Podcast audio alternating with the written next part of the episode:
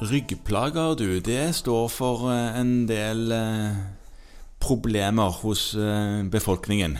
Mange, mange, mange Mhm. har vondt i ryggen. Ja, og det er jo en av prisene å betale for å på død og liv skal drive og gå på to bein. Ja, du tenker at det hadde vært bedre å gå på alle fire?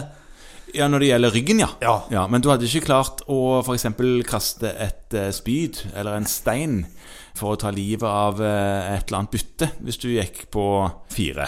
På samme måte som vi kan nå med to. Ja. Altså, Vi trenger ikke ta den diskusjonen om det er lurt å være eh, på Altså to. nå, hvis du velger å ha et evolusjonistisk syn på dette, Ja. som man kan velge, Ja, det kan man. eh, så er det jo nå veldig ugunstig med den kroppsformen vi nå har å gå på alle fire, i hvert fall. Ja, det kan du si. Det kan du si. Men eh, poenget var at mange av oss mennesker plages med vondt i ryggen. Ja. Og en av de vanligste, tør jeg påstå, bestillingene hos en som har vondt i ryggen, er kan vi ikke bare ta et bilde så vi ser hva dette er for noe, da? Ja. Ja. Ja. Og veldig ofte så Ender det med at du gir deg? ender det vel med at vi gir oss på det, da. Ja. Eh, Selv om det ikke er noen ting å se.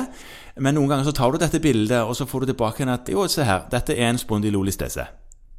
Ja, eller en spondylose. Eller en spondylose. Ja. Hva er det igjen, du?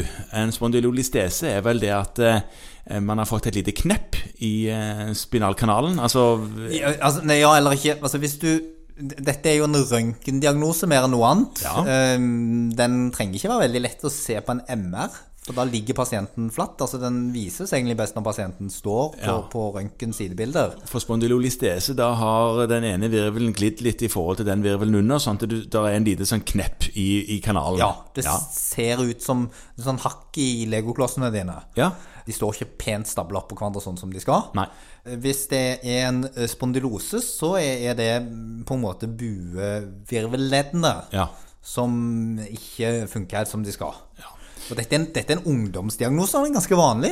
Og er det ikke òg sånn at eh, dersom du eh, tar bilde av en som ikke har vondt i ryggen, så finner du disse tingene der òg? Ja, og det, nå er vi jo inne på noe av det som gjør livet vondt og vanskelig, og det er at hvis du, både for røntgenleger og fastleger og andre, Ja. det er at hvis du tar bilde, så vil du finne ut at rundt halvparten av de som har dette, de har ikke noe vondt i ryggen.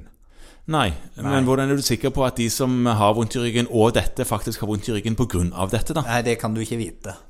Nei, nei, sant. Så der har du det. Mm. Eh, Men når det er sagt, så må man jo da altså, for det Vondt i første- ryggen har de jo. Vondt i ryggen har de, jo, og det må vi prøve å hjelpe dem med. Ja. Og da er det jo sånn at når man velger vanlig vondter i ryggen, Ja. så er den jevne anbefalingen å trene mer. Og så skal vi her legge inn et lite sånn forbehold når det gjelder disse med, med spondylose og spondylolistese. Hvordan da?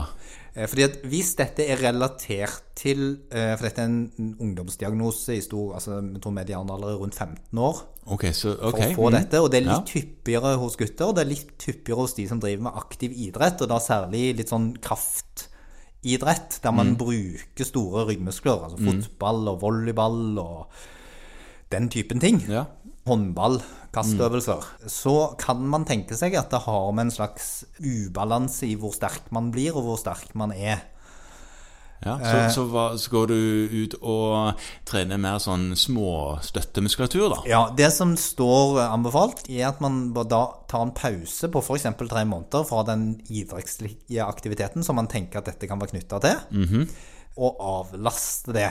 Tre måneder for en eh, idrettskåt eh, 16-åring, det er lenge. Ja, det, det er jo en evighet. Det er nesten en livs... Det tenker jeg at da, Nå forsvinner karrieremulighetene mine i denne idretten. Og det du må si til deg da, er at det betyr ikke at du skal sitte helt i ro, eller bare ligge i en seng. Du skal ikke spenne på seg et korsett og stå der, liksom? Nei, altså korsettbehandling har vært forsøkt. Det er i utgangspunktet ikke anbefalt. og Da tenker jeg da skal det være en veldig spesiell eh, tilstand eh, når du har snakket med en ortoped eller lignende om at dette er lurt. Men i utgangspunktet så er det å avlaste de, men så er det dette da som du er inne på med, med kjerne- og støttemuskulatur. Ja. For det å trene holdning og kjerne- og støttemuskulatur er ofte noe dette har du også vært borti med i idrettsmedisinen.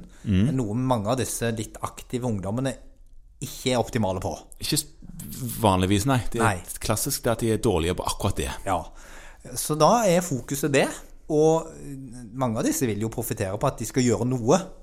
Ja, ja, og de kan gå, bli veldig ivrige på å gjøre noe annet, at det blir en oppgave. Og så Ja. går de like mye inn i det som sin håper jeg, vanlige idrett. Ja.